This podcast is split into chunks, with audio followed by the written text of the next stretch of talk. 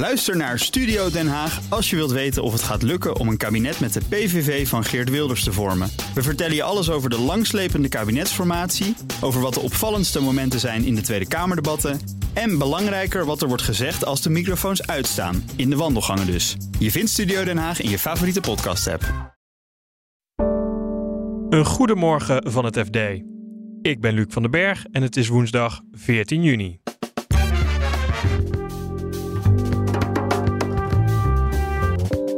Van der Valk vindt dat het te weinig coronasteun heeft gekregen. Zij hebben volgens eh, de staat inmiddels al 33 miljoen gekregen. Uh, maar ze vinden eigenlijk dat ze recht hebben op meer dan 150 miljoen. Door de hoge rente stijgen de kosten voor groene projecten. En het zal deels ook uh, neerslaan bij de overheid. Want de overheid geeft nu veel subsidie voor duurzame technologieën. Dus uiteindelijk betaalt de belastingbetaler. En beleggers verwachten dat de ECB de rente zal verhogen. Daarna verwachten ze eigenlijk nog dat er een uh, verhoging komt in juli. En dat ze daar wel bij zal blijven uiteindelijk. Dit is de dagkoers van het FD.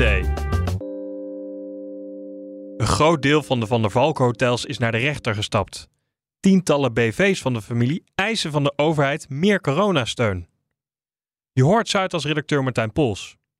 Hij vertelt eerst wat de hotelketen al ontvangen heeft aan staatssteun. Ze hebben wel degelijk al uh, in totaal 33 miljoen euro aan tegemoetkoming vaste lasten. Want daar ging het uh, deze keer om, de TVL-regeling. Uh, die is in het leven geroepen, voor de mensen die dat niet meer weten, tijdens de lockdowns, tijdens de pandemie. Om nou ja, als een soort van compensatie voor huur, gas, licht en water. Omdat de horeca op een gegeven moment natuurlijk helemaal dicht moest en op een gegeven moment maar beperkt open mocht. Maar die vaste lasten lopen dan door. Daar heeft Van der Valk gebruik van gemaakt, want zij hebben natuurlijk een reeks aan hotels in, en restaurants die ook dicht moesten. Uh, maar ze vinden dat ze te weinig hebben gekregen. En dat is, uh, dat is wel de cruciale vraag in, in, in de zaak van vandaag. Zij hebben uh, volgens de staat inmiddels al 33 miljoen gekregen. maar ze vinden eigenlijk dat ze recht hebben op meer dan 150 miljoen. En waar baseren ze dat op, dat ze meer hadden moeten krijgen? Nou, de cruciale vraag die vandaag ook aan de orde kwam is... hoe ben je gestructureerd als onderneming?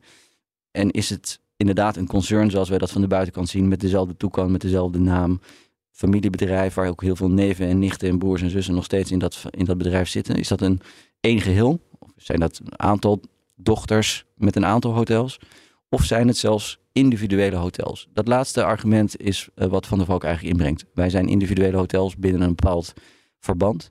Maar dat maakt een cruciaal verschil, uh, want je kunt per hotel uh, en als, je, als ik een hoteleigenaar was geweest of ben met één hotel en ik moest ook dicht tijdens de pandemie, heb ik in totaal 2,3 miljoen aan TVL-steun kunnen ontvangen als ik aan alle voorwaarden voldeed. Dat was het maximale wat je kon krijgen. En Van der Valk zegt van nou ja, dat, dat is niet rechtvaardig als ik dat niet per hotel ook kan krijgen uh, voor onze hotels.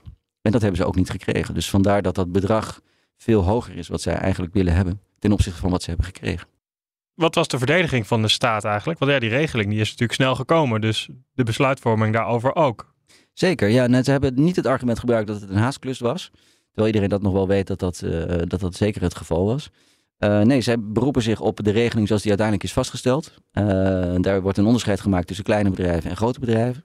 Grote bedrijven hebben dus ook wel degelijk steun kunnen krijgen. Maar veel minder dan een MKB'er, om het even zo samen te vatten. Daar zitten ook allerlei grenzen die Europees zijn afgesproken om staatssteun te voorkomen en daar alle regelingen. Daar, er zijn een aantal Europese definities van. Daar, daar refereerde de staat ook uh, onderdrukkelijk aan. En uh, zij zeggen dat Van der Valk ook uh, aanspraak heeft gemaakt op de regeling voor de grote bedrijven.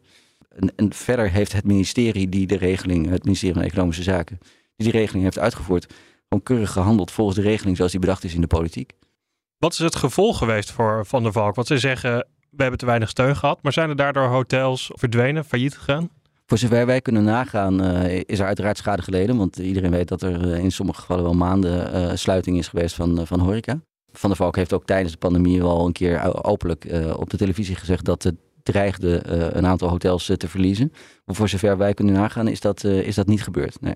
Met de uitspraak die straks komt, wat heeft dat voor gevolgen? Niet alleen voor Van der Valk, maar ook voor andere hotels of andere bedrijven misschien wel? Uh, de, de zaal zat uh, vandaag uh, behoorlijk vol en de, de zitting werd ook live uitgezonden op, op internet. Wat voor een college van beroep voor het bedrijfsleven, wat toch een, vaak een saaie bestuursrechter is, een redelijke unicum was. En dat komt omdat er heel veel juristen wel op het vinkentouw zitten naar verluid. Het is voor het eerst dat zo'n groot bedrijf op deze manier deze vraag eigenlijk uh, voor de rechter legt. Terwijl er nog tientallen, misschien wel honderden soortgelijke zaken lopen. er zijn ook andere ketens bekend die, die met hetzelfde probleem kampen, als het een probleem is. in ieder geval die meer geld zouden willen hebben. En niet alleen in de horeca, maar ook winkelketens hebben, hebben destijds al openlijk geklaagd over dat de regeling voor grotere ondernemingen eigenlijk te mager is ten opzichte van de, van de kleinere. Uh, dus hij, hij wordt uh, zeer nauwlettend gevolgd door vele juristen en, en, en, ongetwijfeld ook vele ondernemers in, in de horeca en in de, in de retail.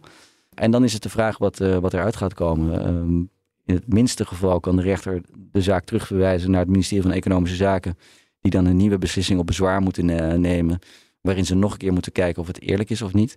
Verwachting is niet dat dat snel gebeurt, omdat de regeling zoals die is nu eenmaal heel erg recht toe recht aan is. Dus de principiële vraag zal beantwoord moeten worden door, uh, door, het, uh, door de rechter.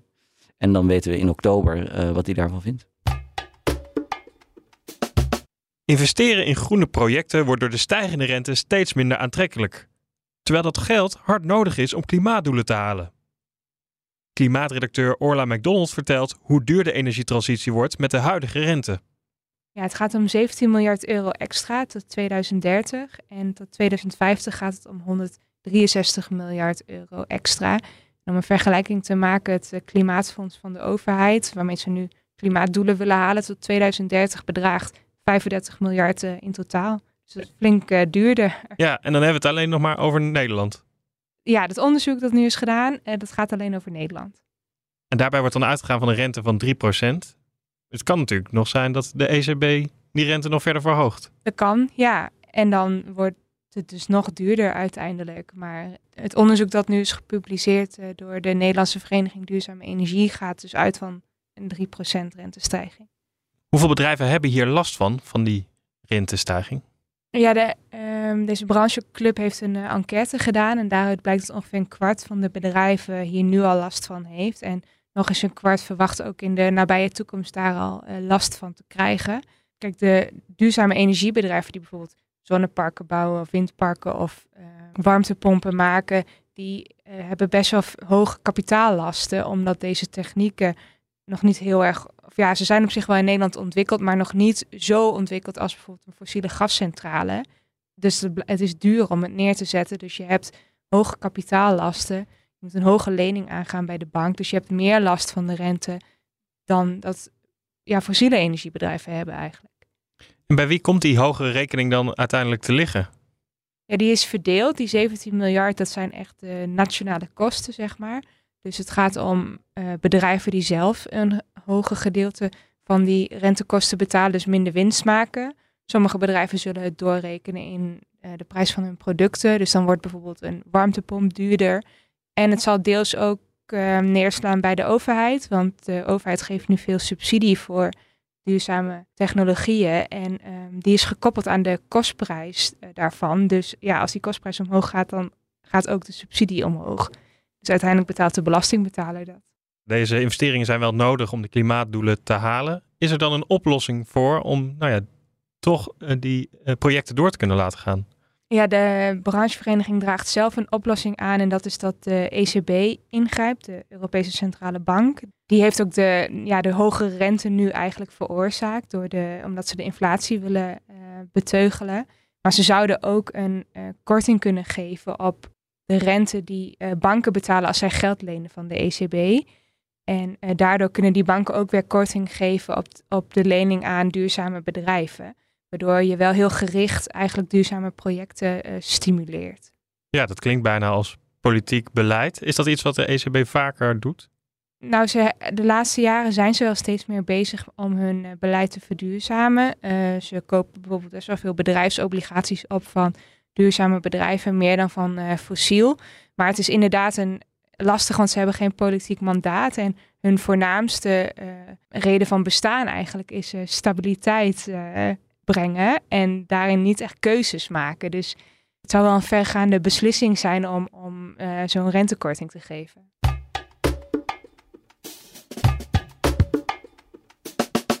En we blijven nog even bij de ECB, want morgen komen de centrale bankiers bij elkaar om te bepalen of ze de rente verder gaan verhogen. ECB-watcher Joost van Kuppenveld vertelt met welke stijging analisten rekening houden. Nou, ze gaan, ze gaan nu uit van een renteverhoging met 25 basispunten, dat is zeg maar 0,25 procentpunt, uh, naar uh, 3,5 uh, procent. Daarna verwachten ze eigenlijk nog dat er een, uh, een verhoging komt in juli tot 3,75 en dat ze daar wel bij zal blijven uiteindelijk. Maar voor nu 25 basispunten.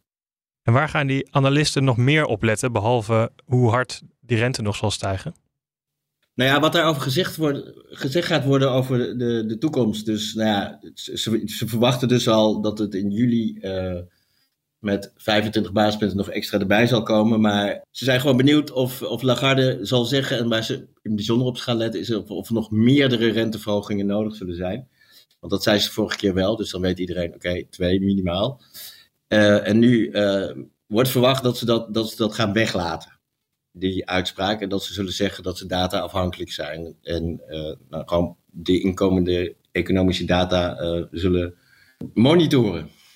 Ja, hoe doen ze dat dan? Want ja, de, het resultaat van die verhogingen komt altijd wat later dan dat je ze doet natuurlijk. Ja, nou ja dat, is, dat is ook bij sommige analisten zich zorgen om maken. Want dat, omdat monetair beleid altijd met een uh, vertraging in de economie doorwerkt. Kan het zijn dat de ECB, die, als die kijkt naar de data van nu, dat te laat zijn als uh, misschien al te ver gegaan kunnen zijn op het moment dat die data echt naar beneden komt. En dat dat, uh, zeg maar, ze moeten meer vooruitkijken, vindt vind één analist, in ieder geval deze van ING, uit mijn stuk. Dus die vinden het gevaarlijk dat de ECB alleen naar de data van nu kijkt, omdat je dan het risico loopt dat je nu al te veel verkrapt. Die analisten, als ze nu doorhebben dat er nog twee verhogingen aankomen, dat we dan wel op een piek zitten, dan wordt dat nu al ingeprijsd. Heeft ja. het dan nog wel zin, die verhoging? Uh, ja, want uh, uiteindelijk zal de centrale bank voor de geloofwaardigheid nog wel moeten leveren. Zeg maar. Uh, ze, ze, moeten wel die renteverhogingen leveren, want als ze dat niet doen, dan, dan, dan vertrouwt de markt ze voortaan niet meer. En dan heeft is het beleid minder effectief. Als we dan gaan kijken naar Amerika, daar werd gisteren bekend dat de inflatie iets lager is dan vooraf werd verwacht. Daar kom, komen ook de centrale bankiers of de bankiers bij elkaar, bij de Fed. Wat verwacht je dat zij gaan doen? Nou, zij zullen heel erg bevestigd zijn in dit uh, iets lager dan verwachte uh, inflatiecijfer. Uh, ze wilden eigenlijk gaan pauzeren, maar het, het, risico in, in, Amerika is de arbeidsmarkt wel zo krap dat het kan zijn dat ze wel langer door moeten gaan, maar ze wilden voor nu even afwachten. En het ja, lage inflatiecijfer, dat, dat komt dan als geroepen, als, dan kunnen ze goed als argument gebruiken van we, we stoppen er nu mee voorlopig en we kijken volgende maand weer verder.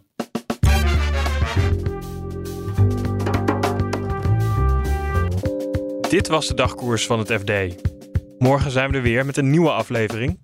En ondertussen lees je het laatste financieel-economische nieuws in onze app. Voor nu een hele fijne dag en graag tot morgen.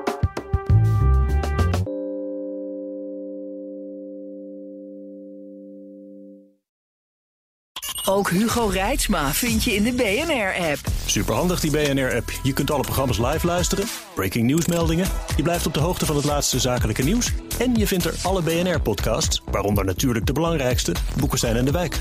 Download nu de gratis BNR-app en blijf scherp.